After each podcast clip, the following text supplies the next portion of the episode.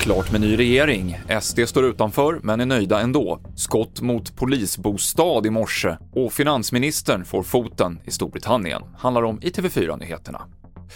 Ja, vi börjar med Tidöavtalet, för det är det som högersidan kallar den överenskommelse de nu har slutit om politiken de kommande åren. Mycket av den rör migrationspolitik och brott och straff och Sverigedemokraterna har enligt bedömare fått igenom mycket av sin politik och Jimmy Åkesson lät nöjd på pressträffen tidigare idag.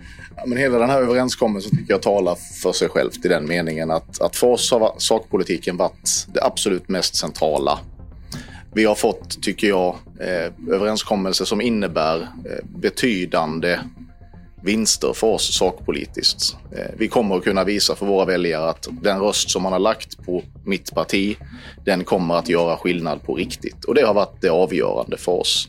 Sa Jimmie Åkesson, ledare för Sverigedemokraterna, som inte kommer få ministerposter i den nya regeringen, där Moderaterna, Kristdemokraterna och Liberalerna däremot kommer att vara med.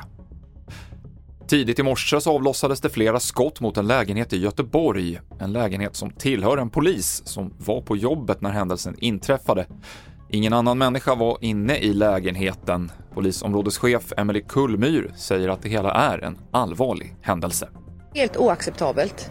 Det är en eh, angrepp mot eh, vårt samhälle, det är ett angrepp mot demokratin och mot rättsväsendet. Och det är en gräns som förflyttas. Dels är det en kollega, en polis, som får ett angrepp i sin bostad. Eh, och sen är det också att det sker en skjutning. 04.33 vaknar människor upp till skottlossning när de ligger och sover.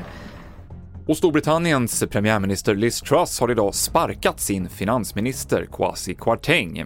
Det här sker efter att de tvingats backa från flera budgetförslag som både partikamrater och finansmarknaden har reagerat negativt på.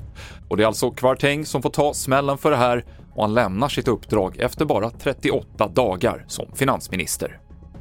Fler nyheter finns på tv4.se och i appen TV4 Nyheterna. I studion idag Mikael Klintevall.